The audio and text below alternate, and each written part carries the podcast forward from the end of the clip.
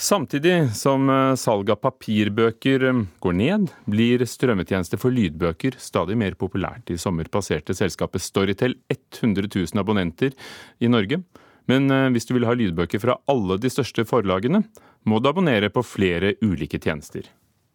Den norske bokbransjen biter negler etter at det denne uka kom fram at salget av skjønnlitterære bøker falt med 13% i første halvår.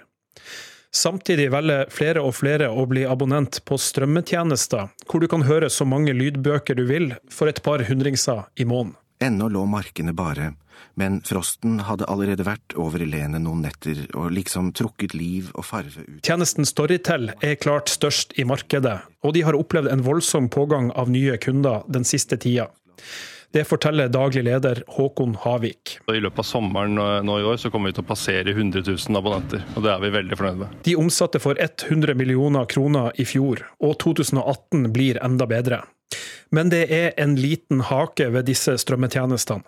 Selv om det finnes tusenvis av norske titler, kan de ikke tilby ferske bøker som er gitt ut i år, pga. den norske bokavtalen. Altså Som leder av Storytel så hadde jeg jo ikke hatt noe imot å ha helt nye bøker eh, i tjenesten vår. Men når det er sagt, så opplever jeg at det går veldig bra, og lytterne er fornøyde. Eh, lytterne våre er også ganske vant med at eh, før i tiden eh, så var det kinopremierer. Eh, og så kom kanskje de samme filmene på DVD, men de kom ikke med en gang på DVD til lavere pris. De kom kanskje et halvt år eller ett år etterpå.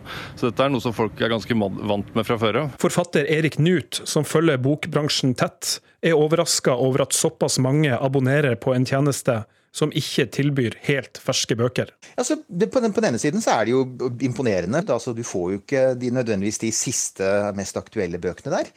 Så, så, Sånn sett så er det jo bra. Men på den annen side så er det klart, de har nok fått drahjelp av at strømming har tatt av i Norge. Og det er jo ikke bare strømming av TV, det er også strømming av lyd, f.eks. via podkast. Også lydbokstrømmetjenesten Fabel opplever gode tider. Og de har hatt en vekst på 250% i antall abonnenter det siste året. Tjenesten drives av Lydbokforlaget, som eies av Aschehoug og Gyldendal. De er en direkte konkurrent til Storytel, som Cappelen Dam eier 50% av. Forlagssjef Ann Kristin Vasseljen i Lydbokforlaget tror det er plass til flere aktører i det begrensede norske markedet. Her er det bare å finne måter å konkurrere på og trekke kundene våre ved å tilby et innhold som, som er unikt og, og, spennende. Håkon Havik i Storytel syns det er vanskelig å spå hvordan det her vil utvikle seg. Det kan godt tenkes at det norske lydbokstrømmemarkedet er, er stort nok til, til ganske mange aktører. Erik Knut mener at forlagene bør gå sammen om en felles strømmetjeneste for lydbøker, i stedet for å tro at folk vil punge ut for å abonnere på flere. Ja, og, og da må du begynne å sammenligne med hva du betaler for visuelle medier, for eksempel, eh, visuelle medier og hva du betaler for musikk. Uh, og, og, da blir det fort ganske dyrt. Den modellen med at folk skal gå inn og kjøpe spesifikke abonnementer for spesifikke forlag, den er ikke særlig god. og Hvis man ønsker fortsatt vekst, så trengs det en eller annen form for altså Det trengs en sentralisering. Det trengs en løsning som, eh, hvor folk kan finne alt de trenger. Ann-Kristin Vasseljen i Lydbokforlaget mener det viktigste er å unngå at man bare får vekst i antall abonnenter uten at bokbransjen tjener penger. Det er viktig at vi finner gode modeller som sikrer en god økonomi. Og ser vi f.eks. Mot, eh, mot musikkbransjen, hvor Spotify kom med nye tall for ikke lenge siden, hvor de ser at de har vekst i kundebase, men også vekst i tap, så er det en situasjon vi ikke ønsker å komme opp i. Og Reporter her var Oddvin Aune. Tom Egeland tar et oppgjør med apostelen Paulus i en kronikk på NRK Ytring under tittelen 'Bibelen rommer mye grums'. Tom Egeland, velkommen. Tusen takk. Hvorfor angriper du Paulus, og ikke minst hvordan kirken omtaler og bruker Paulus. Paulus var og er en av de mest sentrale figurene i bibelhistorien. Og kristendommen ville neppe sett ut sånn som den gjør uh, i dag, uten Paulus. Samtidig er det mange sider ved Paulus som, som, er interessant å debattere, og som i liten grad er blitt debattert. Altså, eksempelvis, han møtte jo aldri Jesus. Han øh, fortolket Jesus øh, ut fra sin kulturelle bakgrunn. Og den dag i dag så henger jo mye av det jeg vil kalle gammeltestamentlig grums med altså Da tenker jeg på synet på homofili, eh, synet på kvinner. Eh, de fleste i kirken har jo forlatt synet på slaveri, men dette var jo helt vanlig på den tiden, altså på Jesu tid. Uh, synet på kvinner har jo de siste 50 årene blitt uh, moderert, og, og, men, men, synet på homofili sitter jo fortsatt igjen. Og da, og da mener jeg da er det legitimt å spørre med hvilken autoritet uttalte Paulus seg om disse tingene? Ja, Du kaller det forkvaklet og antikristne holdninger, i hvert fall når det gjelder eh, homofilisynet. Eh, hva er din egen forklaring? Ja, altså, jeg, jeg tror jo vi, Hvis vi spurte Jesus hva ville Jesus mene om homofili, om homofile mennesker? Hva ville Jesus mene om kvinner? Alt i Jesu ord og gjerning tyder jo på at han var jo en barmhjertighetens mann.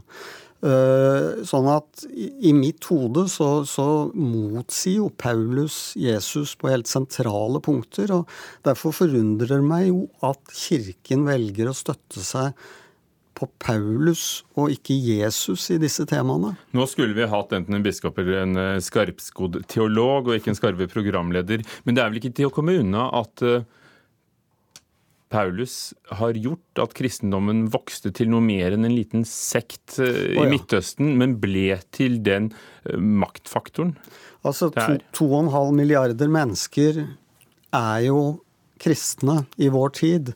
Uh, Paulus løftet jo Jesus ut av jødedommen.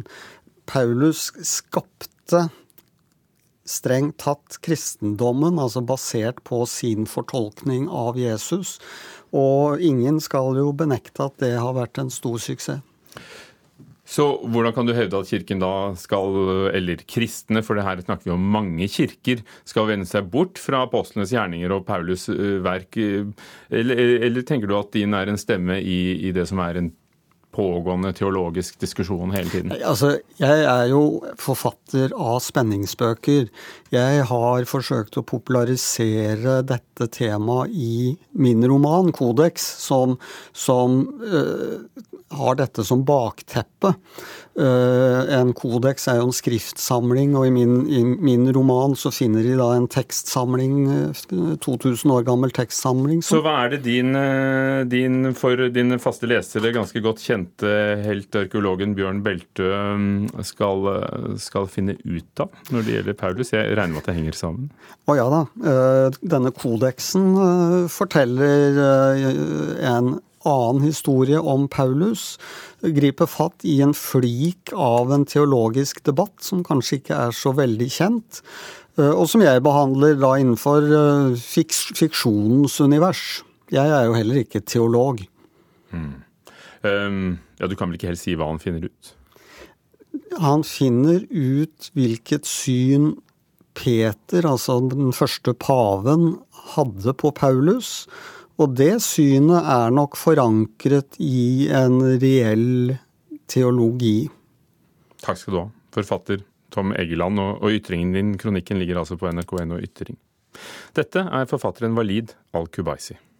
De norske verdier er ikke verdier som fins bare i Norge. Det er samme verdier vi opplever i, i det internasjonale samfunnet, i andre land, i Danmark, i India, i uh, Argentina, overalt samme verdier. Sa norsk-irakiske Walid al-Kubaisi. Nå er han død, 60 år gammel, og dermed er vel norsk offentlighet blitt en stemme fattigere, reporter Tone Staude. Ja, al-Kubaisi som kom til Norge som politisk flyktning fra Irak, har i en årrekke markert seg som en kraftfull og original skribent. Han har skrevet flere bøker, mange av dem om islam i møte med norsk virkelighet. Og essaysamlingen Min tro, din myte var hans første bok. Og for to år siden fikk han Fritt Ords honnørpris for sine bidrag til norsk offentlighet, og han døde altså i går, 60 år gammel.